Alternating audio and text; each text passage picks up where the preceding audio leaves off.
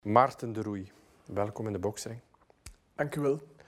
Ehm, Ex-volleyballer en oprichter van Slow FI. Klopt het? Ja, klopt helemaal. Ehm, we gaan beginnen bij het begin, hè, Maarten. Ehm, studies.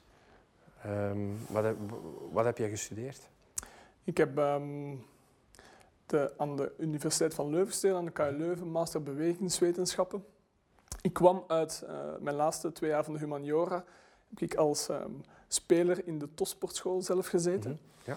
Ehm, waar dat ik in een, in een soort van regime zat van een halve dag aan schoolbanken en een halve dag aan het volleyballen en aan het trainen. Ehm, dus ik zag mijn eigen, als ik ging verder studeren, ook niet meer een hele dag aan, aan een bureau stilzitten. En dat was voor mij eigenlijk een beetje de logische keuze van eh sportcoach, ja, dat wil ik graag gaan doen. Mhm. Hoe was die keuze er eigenlijk gekomen?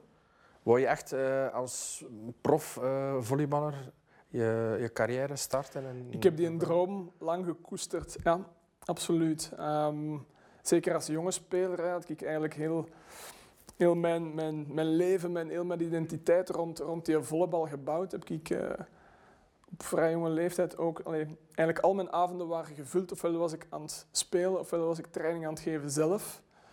Dus, ehm, en ik heb heel lang wel die een droom gehad. En ik heb ook een aantal jaren wel zo in eerste en tweede klasse gespeeld. Niet op, ehm, op een manier dat ik daarmee met een boterham verdiende. Mhm. Ehm, maar ehm, ja, wel op, op, eh, op een manier dat ik daar heel veel plezier uit haalde en, en dat mij dat toch heel lang ehm, heeft doen eh, investeren in die sport. Ja. Je hebt dit een, een aantal jaren gedaan en dan op een dag beslis je van ik wil eigenlijk wat ik als ervaring opgedaan heb, als ik het goed begrijp, en wil ik omzetten naar coaching. Klopt dat? Zo is het niet helemaal Zo gelopen. is het niet helemaal gelopen. Oké. Ehm, een stuk daarvan is zeker waar. Dus wat ik daarjuist zei, van, ik, heb, ik heb heel lang en heel veel geïnvesteerd in, in die volleybal als, als speler eerst.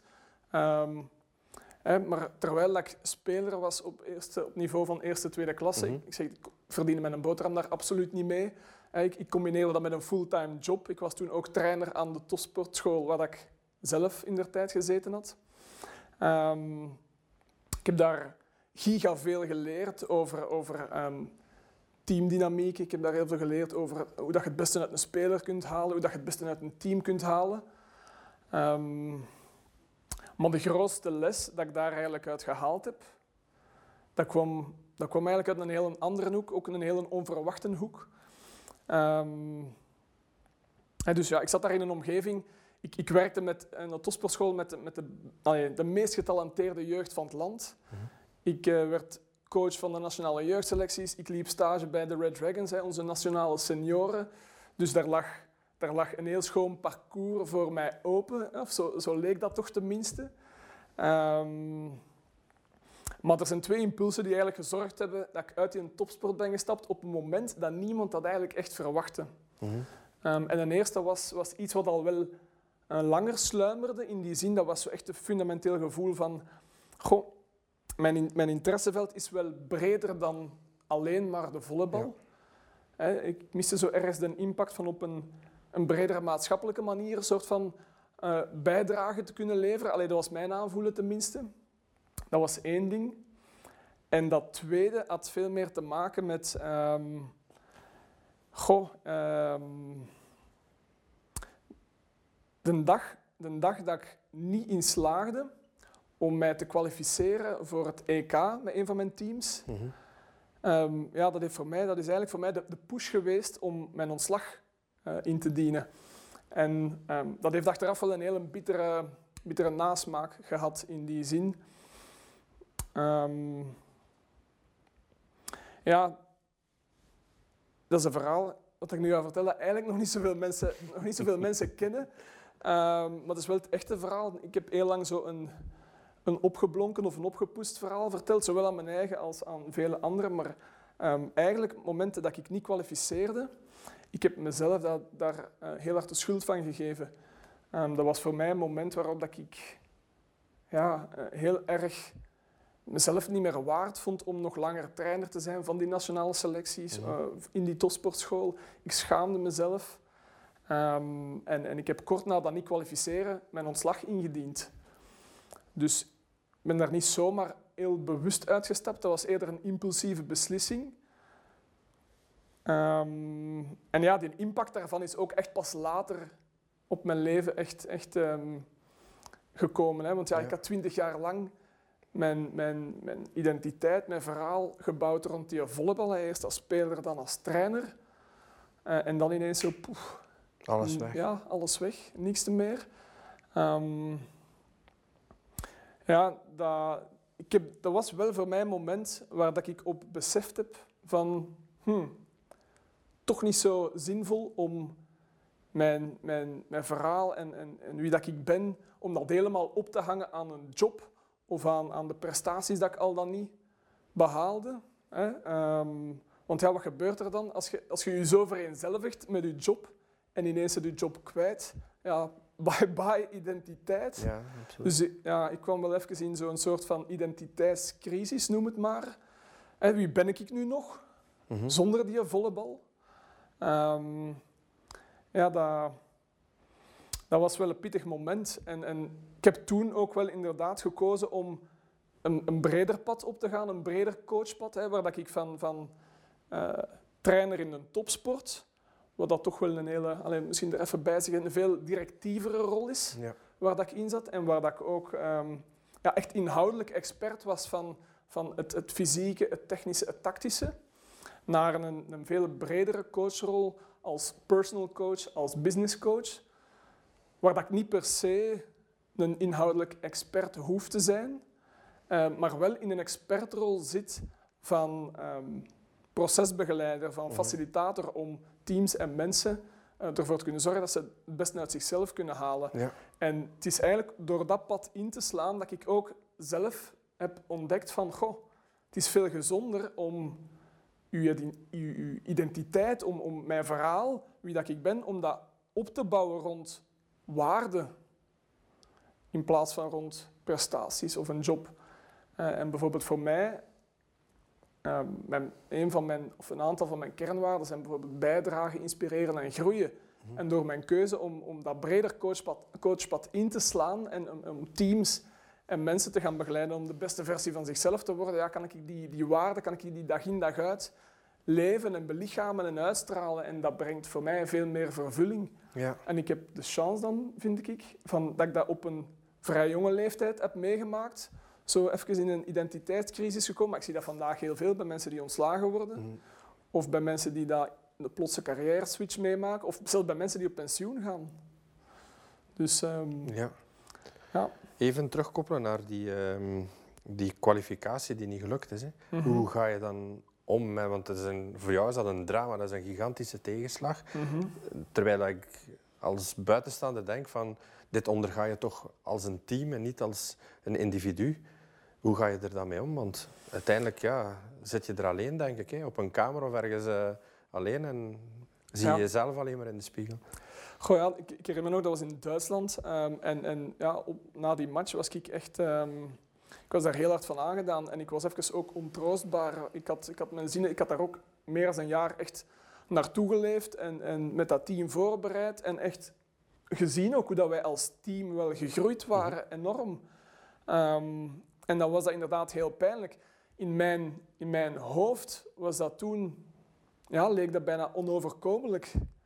Daarom, ik heb echt onder impuls van, van schuld en schaamte, heb ik daar de stekker eruit getrokken toen. Ehm, terwijl, ja, achteraf, ik heb met verschillende spelers en, en, en ook mijn, mijn entourage, hè, de bondscoach zelfs, gezegd van, hé, maar Maarten, eh, dit hoefde niet te doen en niemand neemt u dat kwalijk. Maar het was ikzelf die, dat, die, die zo met een hamer op mijn eigen kop aan het slagen was. En dat was ook eigenlijk de eerste keer dat ik echt heel hard geconfronteerd werd met, mijn, ja, met, met de manier waarop dat ik de lat zeer hoog leg voor mezelf. Mhm. Dus dat was voor mij, denk ik, de grootste les als ik terugkijk naar mijn verleden uit een topsport. Ja. Ja. Kom je die, ehm, kom je die, die, die, die vorm van gevoelens, kom je die ook tegen eh, als coach ehm, in bedrijven? Dat je ziet van hoe dat bedrijfsleiders of mensen in bedrijven eh, tegenslagen moeten verwerken? Ja, zeker en vast. Ja. Hè. Ehm, we moeten het niet verder zoeken. Kijk naar corona. Mhm. Ehm, ik denk, en, en zelfs los van corona, hè. Ehm, ik denk dat er heel veel mensen te maken hebben vandaag met, noem het een, een, een milde of, of een, een strengere vorm van perfectionisme, van het zeer goed willen doen, zichzelf heel veel druk opleggen en daardoor eh, in een recept van, van burn-out terechtkomen. Ja. Of van, van ja, het, gevoel van het is nooit goed genoeg of het kan altijd beter. Ehm, enerzijds mag dat wel een push zijn om, om in evolutie te blijven, maar een overdreven vorm, een extreem hoge lat, ehm, is ook niet Dat gezond. is niet gezond. Nee. Ehm, je stopte als coach. En wat dan? Wat gebeurde er toen? U bedoelt als, als topsportcoach? Ja, als topsportcoach. Ja. Ehm, ja, wat dan? Ik ben, ben heel veel gaan investeren in, ehm, in mijn eigen persoonlijke groei. Enerzijds, hè, heel, veel, heel veel tijd, heel veel energie, heel veel middelen ehm, in mijn eigen persoonlijke ontwikkeling gestoken. Anderzijds ook heel wat, heel wat tijd, energie en middelen in, in eh, een aantal internationaal geaccrediteerde opleidingen Mhm. om mijn coaching skills te verbreden en, en te verdiepen. En dat doe ik vandaag nog altijd, by the way. Dus ehm, Ehm, hoe ben je daarbij gekomen eigenlijk om die stap te doen? Om te zeggen, want je had een, een enorme klap gehad. En dan zeg je van oké, ik ga die coachingrol toch meenemen en ik ga het in, in, in de privésector eigenlijk ga ik het verder zetten. Hoe was je op dat idee gekomen van die stap te maken?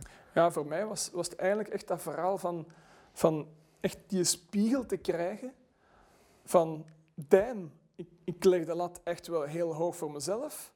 Om ook van achteraf van andere mensen te horen van niemand neemt u dat kwalijk, maar voor mezelf op dat moment ja, was dat echt, dat was precies een drama. En Mhm. eh, dat, dat was voor mij ook zoiets van dit is niet gezond, ik wil hier, ik wil hier iets mee gaan doen. Ik wil dat niet nog eens tegenkomen. En dan ben ik inderdaad gaan, gaan, gaan kijken van wat is er op de markt en, en ehm, hoe kan ik daar zelf in eerste instantie mee aan de slag.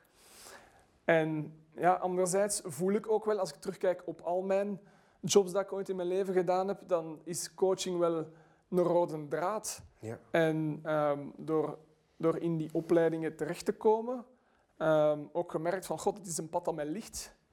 Hè? Ehm, veel minder in die directieve rol waar dat ik vroeger in zat, maar veel meer in die rol nu van, van procesbegeleider en ook ja, andere mensen willen meenemen ehm, in dat verhaal van hoe kan ik stappen zetten op weg naar een betere versie of naar de beste versie van mezelf. Ja, ja, ja. ja. Ehm, je hebt dan, als ik het goed begrijp, eh, je bedrijf opgericht, Slowify. En wat doet Slowify juist? Ja, Slowify is een, een training- en coachingbedrijf. Wij richten ons enerzijds op, op teams, anderzijds op individuen, om hun volle potentieel in eerste instantie te gaan ontdekken. Maar ook vooral om dat, om dat verder te gaan ontwikkelen en vooral om dat, om dat meer en meer te kunnen inzetten in uw dagdagelijkse dag. Dus echt wat ik juist kwam te zeggen van hoe kan ik stappen zetten naar een betere versie van mezelf of als in het geval van een team, hoe kunnen wij stappen zetten om naar een sterker en een effectiever en een, en een toffer team te groeien. Ehm, en ja, Slowify, eh, de naam zegt het al wel een beetje. Onze slagzin, onze core filosofie is accelerate by slowing down.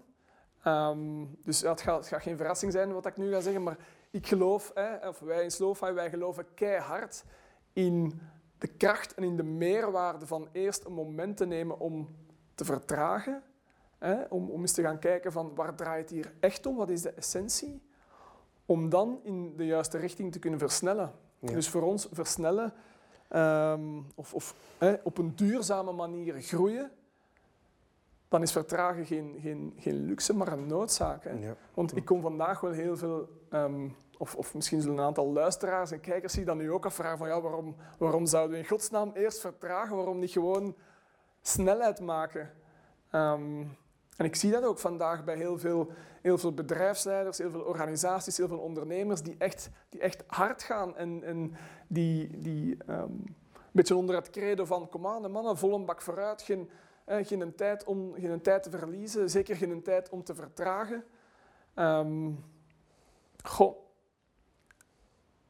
ik weet niet, misschien ken je zelf wel mensen waar dat aan denkt, of misschien hè, klanten waarmee dat je ooit gewerkt hebt. En er zal wel het een en het ander te zeggen zijn over die manier van denken en doen. Hè. Daar ben ik zeker van. Maar in mijn filosofie is daar één groot nadeel.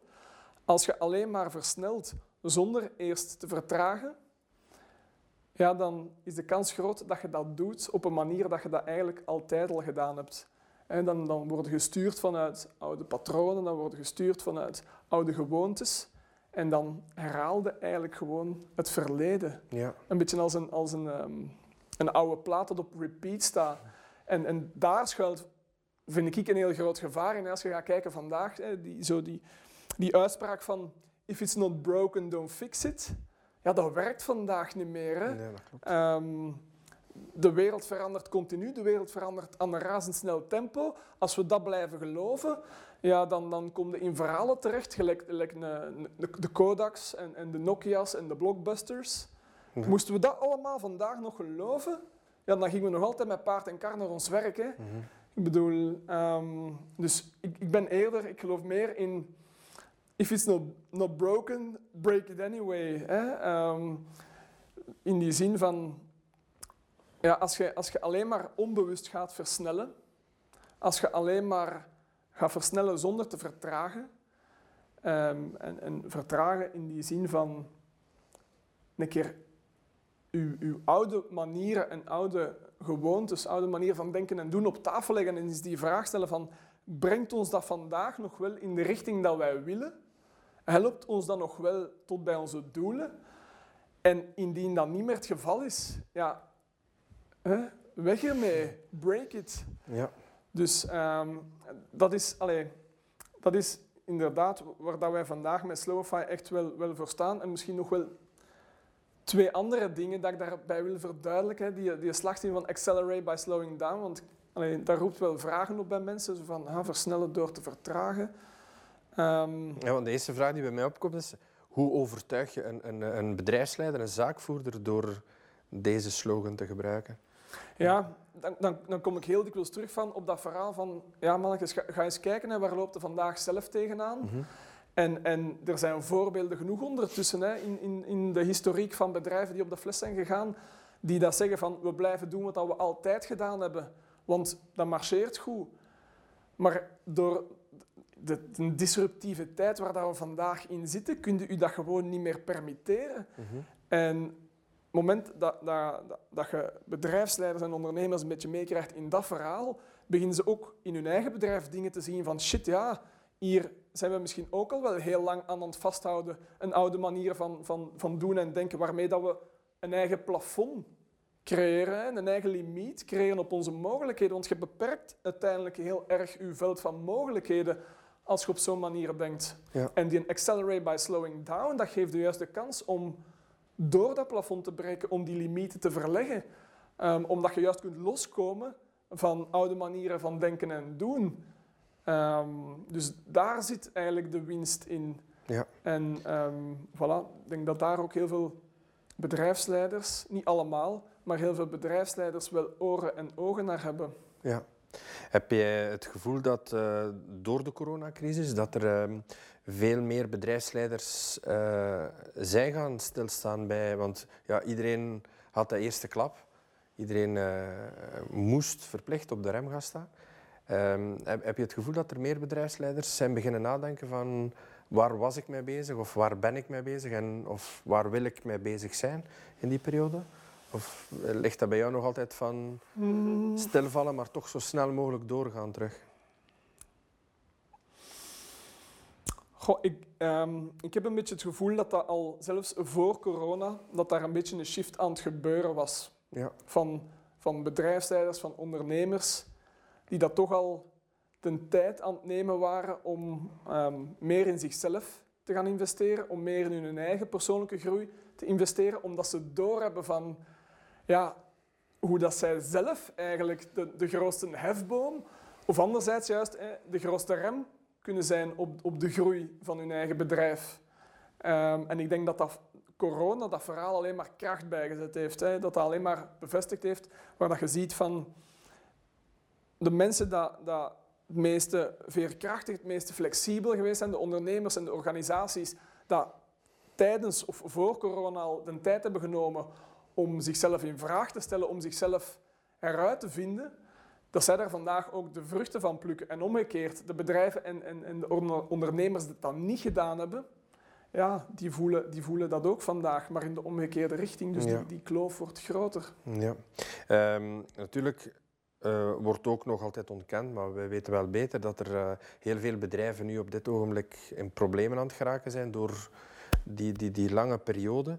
Um, zijn er bedrijfsleiders die toch inzetten terug op die meer productief zijn, meer snelheid, door dat al te lang te leggen? Denk je dat ze gewoon terugkoppelen naar het uh, pre-corona-tijdperk op die manier? Goh, die zullen er ook wel zijn. Daar ben ik van overtuigd. Ik denk niet dat, dat uh, iedereen in één keer gaat mee maar ik denk wel dat er voor heel veel mensen echt wel zo een, een belletje aan drinkelen gegaan is en, en dat er wel wat ogen zijn opengegaan. Maar ik kan me inbeelden dat er ook nog even mensen zijn die toch nog krampachtig vasthouden aan hoe het vroeger was en mhm. die misschien zo rap mogelijk nog altijd naar daar willen. Ik ben alleen, ja, ik vraag me dan zelf af, hoe duurzaam is dat? Ja.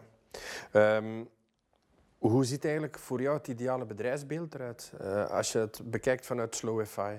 je ziet van, dit is een bedrijf in balans. Hoe, hoe, hoe zien jullie dat eigenlijk? Een bedrijf in balans? Um, goeie vraag.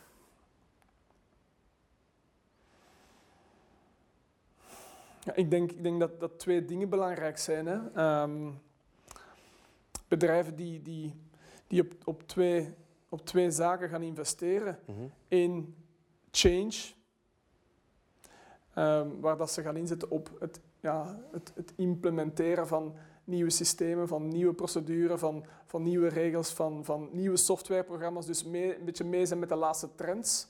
Alles om de boel effectiever, efficiënter te laten verlopen. Um, en, en, ik vind dat heel mooi en dat is ook heel dikwijls nodig. En ik ben trouwens heel grote voorstander um, om, om um, technologie in te zetten om repetitieve taken van, van ons over te nemen, zodat wij meer ja, zinvol, meer betekenisvol werk als mens kunnen doen. Dat zeker en vast. En daarnaast is het even belangrijk om ook te investeren in uw transformatie en dan bedoel ik, dan, dat gaat over de menselijke kant van verandering, de human side of change.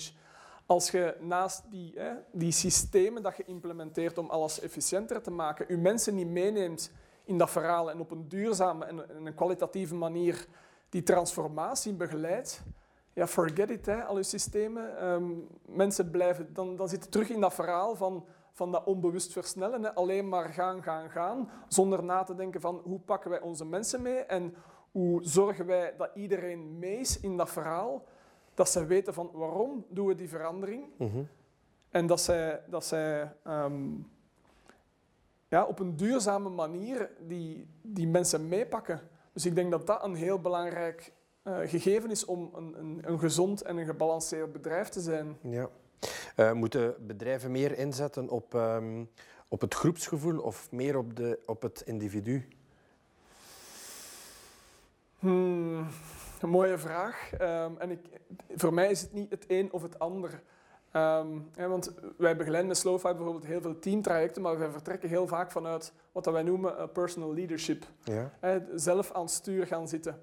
Dus um, ik, denk, ik denk dat het daar vertrekt. Van, ga eens kijken van want uiteindelijk wat, wat, is, wat is een cultuur of wat is een team? Het is, het is de som van de individuen. En um, ik denk dat het heel belangrijk is dat als je als bedrijf mensen de kans geeft om zelf achter het stuur te gaan zitten, door te investeren in hun persoonlijke groei, dat je echt ja, een win-win-win creëert zelfs in die zin. Hè.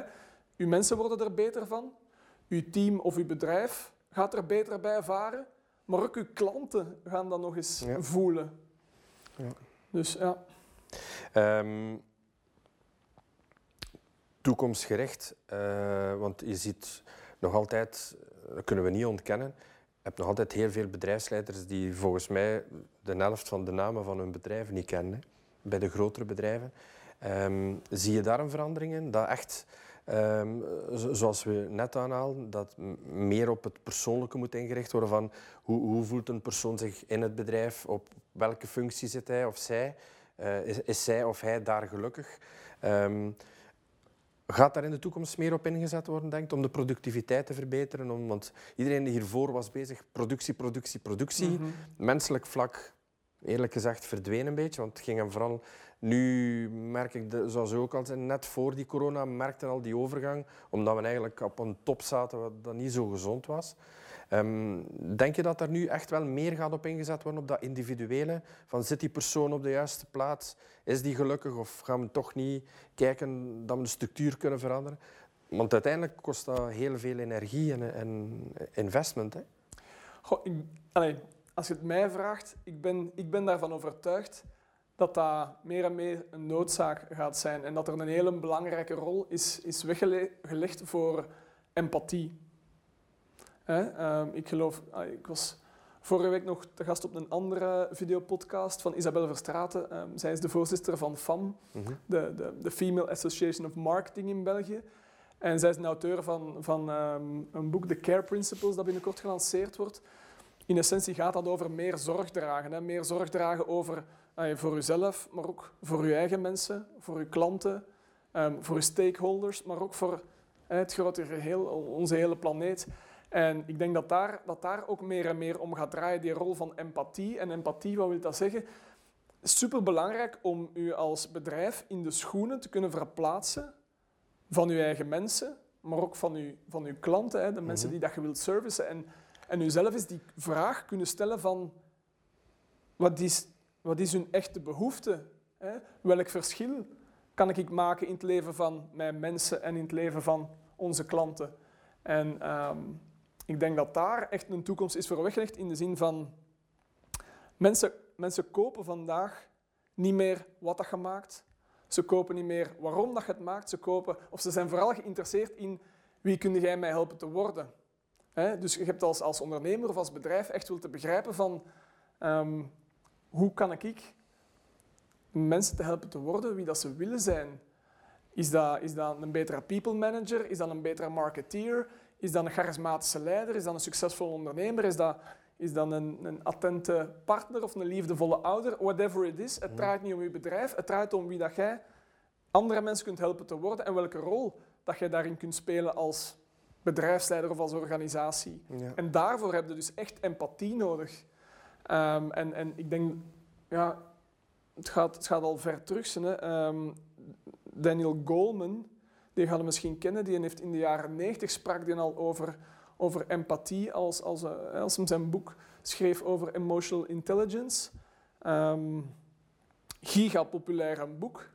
Meer dan, ik denk, meer dan 5 miljoen exemplaren verkocht ondertussen. maar ja, zo'n zo'n theoretisch stuk ehm, zo ver van de praktijk, zo weinig toepasbaar, ehm, dat heel veel mensen die aan die boek begonnen zijn niet verder geraakt zijn dan hoofdstuk 1. Ehm, dus ja, zonde van, van, van de waardevolle boek dat hij geschreven heeft, denk ik dan. Gelukkig is daar, is daar in, in uh, de laatste tientallen jaren heel erg op verder gebouwd en heel erg op verder gewerkt. Uh, heel veel onderzoek naar gebeurd door mannen gelijk een, een Martin Newman of een Steven Stein, mhm. die daar alles wat, heel de verzameling van emotional intelligence, waar dat empathie van deel uitmaakt, um, dat die in een heel praktisch framework gegoten hebben, dat super toepasbaar is in uw dagdagelijkse praktijk vandaag. En, en als ik praat over emotionele intelligentie, EQ, dat gaat over vaardigheden, dat gaat over skills, dat gaat over zaken die dat je kunt trainen en ontwikkelen. Dat is het goede nieuws. Hè? Mhm. Het is niet, je wordt daarmee geboren of niet. Het is, iets anders als EQ. Als IQ, pardon. Je EQ, dat kun je echt trainen, zodat je naar de fitness gaat en dat je je spieren kunt trainen. En ik denk dat daar de toekomst ook in zit. En wat ik juist al zei, dat er die shift aan het gebeuren is, dat meer mensen aan het beginnen investeren in hun eigen persoonlijke groei, omdat ze zien welk effect dat, dat heeft op hun organisatie. En ook hetzelfde, niet alleen bedrijfsleiders en ondernemers, maar ook voor hun eigen mensen. Ja. Merk je dat bij, bij een jongere generatie, dat die daar meer gaan op inzetten? Want vroeger, tot een paar jaar terug was het belangrijk. Hè. Eh, een goed betaald loon, een dikke auto en, en nog wat opties Mhm. erbij. En, en het was mooi. Maar ik merk nu meer en meer dat jongeren op kwaliteit van eh, kan ik iets betekenen in dat bedrijf? Eh, ben ik daar gelukkig? Je hebt daar een bijna 180 graden switch. Merk je dat, dat, dat jongeren daar zich meer op aan het inzetten zijn? Want absoluut. het Ehm, hangt ook af van bedrijven. Bedrijven moeten daarmee mee, want zij zijn de toekomst uiteindelijk. Hè? Ja. ja, je ziet dat. allee, ik, heb dat. ik lees dat in studies, maar ik merk dat ook gewoon in mijn eigen vriendenkring. Dat, dat we veel meer op zoek gaan, millennials gaan veel meer op zoek naar, naar zingeving, naar Mhm. betekenisvol werk. En, en de generaties na ons ook, by the way. Ehm, in die zin van. En dan kom ik terug aan, aan hè, iets wat, wat ik wel belangrijk vind om uit te leggen bij die accelerate by slowing down. We gaan ook niet zomaar versnellen om te versnellen. Ehm, en ik leg dat altijd uit aan de hand van een quote van Eleanor Roosevelt, die dat zegt van the purpose of life is to live it. Hè, het, het doel van het leven is om het te leven, om het, om het te beleven. Hè, om, om, het is niet de bedoeling om een snel leven te leiden, het is de bedoeling om een rijk leven te leiden in de meest brede zin van het woord. Hè, waar dat je voelt van, ehm, dat je je tijd hebt gestoken in de dingen die dat voor u echt belangrijk zijn. Dat je op je sterfbed kunt zeggen van, goh, wie dat ik ben geweest, wat dat ik heb gedaan, dat heeft mij nu eens echt vervuld. Hè. Dat, heeft mij echt, dat, dat, dat, dat was voor mij betekenisvol. Alleen daar is, daar is redelijk wat onderzoek onder gebeurd en er is een, een prachtig boek over geschreven. Als je hem nog niet gelezen hebt, aanrader. En die noemt The Top 5 Regrets of the Dying. En daar ehm, gaan ze dus echt mensen interviewen die dat op hun sterfbed liggen en die dat, die dat aangeven van waar heb ik het meeste spijt van hè, dat ik niet gedaan heb in mijn leven. En op, op nummer 1 bij uitstek staat, ik wou dat ik de moed gehad had om mijn leven te leven naar mijn eigen verwachtingen. En niet naar wat de andere mensen van mij verwachten. Klopt. Hè. En op 2 staat dan ook zo, zo, ik wou dat ik niet te hard gewerkt had. En, en op 3 denk ik iets van, ik wou dat ik mij, mijn emoties meer had kunnen uitdrukken. Maar op één bij uitstek gaat het over, ik wou dat ik mijn leven meer op een betekenisvolle manier had kunnen invullen. Ja. Kan dat in deze maatschappij? Want we leven nogal onder druk. Hè? Dat is een keuze. Ik zie dat als een keuze.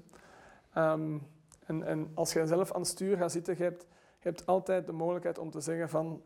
Hm, dit, dit werkt niet voor mij. En oké, niet iedereen kan altijd kiezen in welke job dat hem zit, maar om kiezen om, op een, om in de job dat je hebt te zoeken van hoe kan ik hier meer betekenis aan geven. Zoals de jonge generatie zich eigenlijk nu constant afvraagt. Hè? Als je beginnen werken van hoe kan ik hier meer zin aan geven? Ja. ja. Ehm, toekomst. Slowify. Hoe zie jij de toekomst? Hoe zie ik de toekomst met Slowify? Ha, hmm. Hebben ze mij altijd geleerd. Als zaakvoerder is het heel belangrijk een duidelijk en helder toekomstbeeld te hebben. Ik heb daar wel een toekomstbeeld over. Ik ben daar ook aan aan het werken. Ehm, doe dat graag ook, daarover nadenken. Ehm, ja, ik, ik werd allee, met- samen met heel veel andere ondernemers bijna gedwongen ook om daar opnieuw over na te denken, hè, omwille van eh, corona. Hebben we gezien van, allee, waar dat met een core business ehm, uit 80% teamtrajecten bestond voor corona, ehm, ja, was dat wel even pijnlijk. En heeft, heeft dat B2B-verhaal met Slowify echt wel een flinke, een flinke duik gekregen. Ehm, moet dat niet onder stoelen of banken steken. Ehm, daarnaast heb ik wel gezien dat mijn, dat, dat B2C-verhaal, in de zin van hè, de one-on-one coachings, dat dat exponentieel gegroeid is. Ondanks of misschien omwille van corona. Ehm, ja, dat, dat, is, dat is heel fijn. Ik heb daar zelf wel een shift moeten maken, want heel eerlijk, ik had geen online aanbod tot voor corona. Ehm, ik coachte wel zo'n keer sporadisch online. Maar ehm, ja, heel eerlijk, in het begin geloofde ik ook niet dat, ik, dat die resultaten even goed konden zijn met een online coaching als een offline coaching. En werkt het?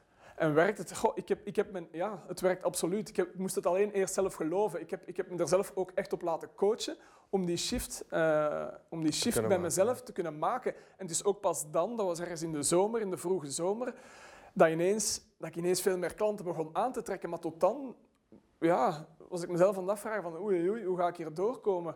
Heb ik ook even een, een, een klein financieel stressje meegemaakt. Um, en ben heel blij dat, dat ik mij heel snel daar, daar mijn, eigen, mijn, eigen, mijn eigen overtuigingen Mhm. heb doen kantelen. Want de, ja, mijn eigen klanten hebben achteraf gezegd van, goh, allee, hebben het tegendeel bewezen. Hè, van, het, is, het is fantastisch en het is, zelfs heel, het is zelfs een luxe om niet meer de verplaatsing van Antwerpen naar Leuven te moeten maken. Um, ik kan van achter in mijn hof gaan zitten met mijn koptelefoon op, op mijn gemakske. Uh, op een plaats waar ik helemaal op mijn gemak ben. Dus ja, ik heb wel gezien dat dat B2B, B2C-verhaal, dat heeft echt wel een boost gekregen. Dat was super fijn. En tegelijkertijd, nu dat ik dat zeg, ja, ook wel gemerkt, werd dat ook wel een soort van een, een, een beetje een kleine bron van frustratie op den duur. In de zin van, in dat klassieke model van mijn tijd alleen maar één op één verdelen, kan ik ook maar echt een beperkt aantal mensen per dag bereiken. En dat is ook de reden waarom dat ik de afgelopen maanden, weken en maanden echt heel hard um, achter de schermen gewerkt heb aan een online training. Um, en ja, om, omdat dat sluit heel hard aan bij mijn intentie om persoonlijke groei heel toegankelijk en heel, heel behapbaar te maken en heel praktisch te gaan vertalen voor een heel breed publiek. Hè. Voor mensen die dat meer uit hun leven willen halen. Ook zorgen dat zij een aantal tools hebben om waar dat ze willen, wanneer dat ze willen, op hun eigen tempo aan de slag te gaan en al te gaan experimenteren. Um, om, om die, die uitdagingen dat op hun pad komen, op weg naar de doelen dat ze willen realiseren, om daar werk van te maken. Ja. Mooi. Maarten, we zitten hier in een boksring. Hè? Mhm. En voor ons heeft die boksing een heel symbolische waarde. Niet zozeer uh, dat er gebokst wordt, dat heb je ook al gemerkt. De boksing is voor ons eigenlijk heel symbolisch. Uh, als je onderneemt of je hebt een idee of je wilt je idee achterna, um, lijkt het soms wel dat je even in die boksing moet en, en wat klappen moet incasseren, tegenslagen verwerken, toch weer doorgaan om uiteindelijk als winnaar uit die ring te komen. Is het voor jou iets uh, gelijkaardigs? Um, en wat, wat, bedoel je precies, iets gelijkaardigs? Symbolisch. Betekent die ring ook voor jou zoiets? In je dagdagelijkse professionele leven? Of persoonlijke? Um, het stuk van, van omgaan met tegenslag, dat kan ik als ondernemer, uh, dat resoneert zeker aan vast. Hè. Um, ik denk, ja, als, als je vandaag, allee, dat, is, dat is iets, social media helpt daar niet bij, maar als ondernemer, en bij mij is dat iets wat ontstaan is in een topsport, maar ik zie dat ook bij veel andere mensen, de manier waarop dat je jezelf vergelijkt en, en, en um, als je iets in de wereld wilt zetten, gaat kijken naar mensen die daar al lang mee bezig zijn of die er al verder in staan. Um, ja, dat, dat, dat geeft mij geen, geen, geen fijn gevoel. In die zin, dat, helpt mij, dat geeft mij enerzijds, ja, dat triggert wel het een en het ander. Maar anderzijds um, ja, merk ik ook, op social media bijvoorbeeld, zie je alleen maar, of zie je vooral, niet alleen, zie je vooral die succesverhalen van... Ja, van inderdaad. Eh, Roze geur en de, maneschijn. de, de Zuckerbergs van Ja. deze tijd. Alsof dat wij als ondernemer allemaal zo op een lineaire manier onze weg naar succes moeten banen. En ook die verhalen van, je moet u zo vroeg mogelijk in één ding specialiseren om echt ergens keigoed in te worden. Ja, dat klopt niet helemaal voor mij. Ehm, daar is trouwens een, een heel toffe boek over geschreven. ehm, Late Bloomers van Rich Karlgaard. Dat is de, de uitgever van Forbes magazine, dat gaat je Mhm. wel kennen. En waarin dat hij zegt van het is even goed om, om ehm, ja, zo wat langer in dat ontdekkingspad te blijven zitten en om wat langer in, ehm, in, die, ja, in die fase van proberen en dingen eh, experimenteren en een keer tegen de muur lopen en, en eens zien van, ja, waar, om, om echt een goed beeld te krijgen van waar ben ik goed in en wat doe ik graag en wat kan ik goed en in welke richting wil ik uit. En ja, verloopt dat zonder slag of stoot? Nee, dat, dat kan ik beamen dat dat niet zo is. En wie dat mij vertelt dat zij zo in één, in lijn naar succes zijn gegaan, ja, eerlijk, die geloof ik zelfs niet. Ehm, dus op die manier kan ik zeker relateren aan, aan ehm, de boksring. Ehm, en ja, denk ik ook, allee, of misschien het punt dat, waar, waar ik een beetje naartoe wou, met die een boek van dat vergelijken met anderen, ja, dat, is, dat is een mechanisme dat, dat, dat, dat dikwijls waarmee dat je jezelf in de voet schiet. En ik denk de enige waarmee dat je moet vergelijken is jezelf. Van, van waar kom ik? Hè? Van, Mm. Waar stond ik een week geleden? Waar stond ik een maand geleden? Waar stond ik een jaar geleden? Waar stond ik tien jaar geleden? En, en ik denk dat dat de enige gezonde manier is om echt te groeien en met tegenslagen ook te kunnen zeggen van oké, maar ik ga verder, ik geef niet op. Dat is perfect. Maarten, mag ik u danken voor dit zeer verrijkende gesprek. Dank u wel aan u. The Box Ring. Big on small talks.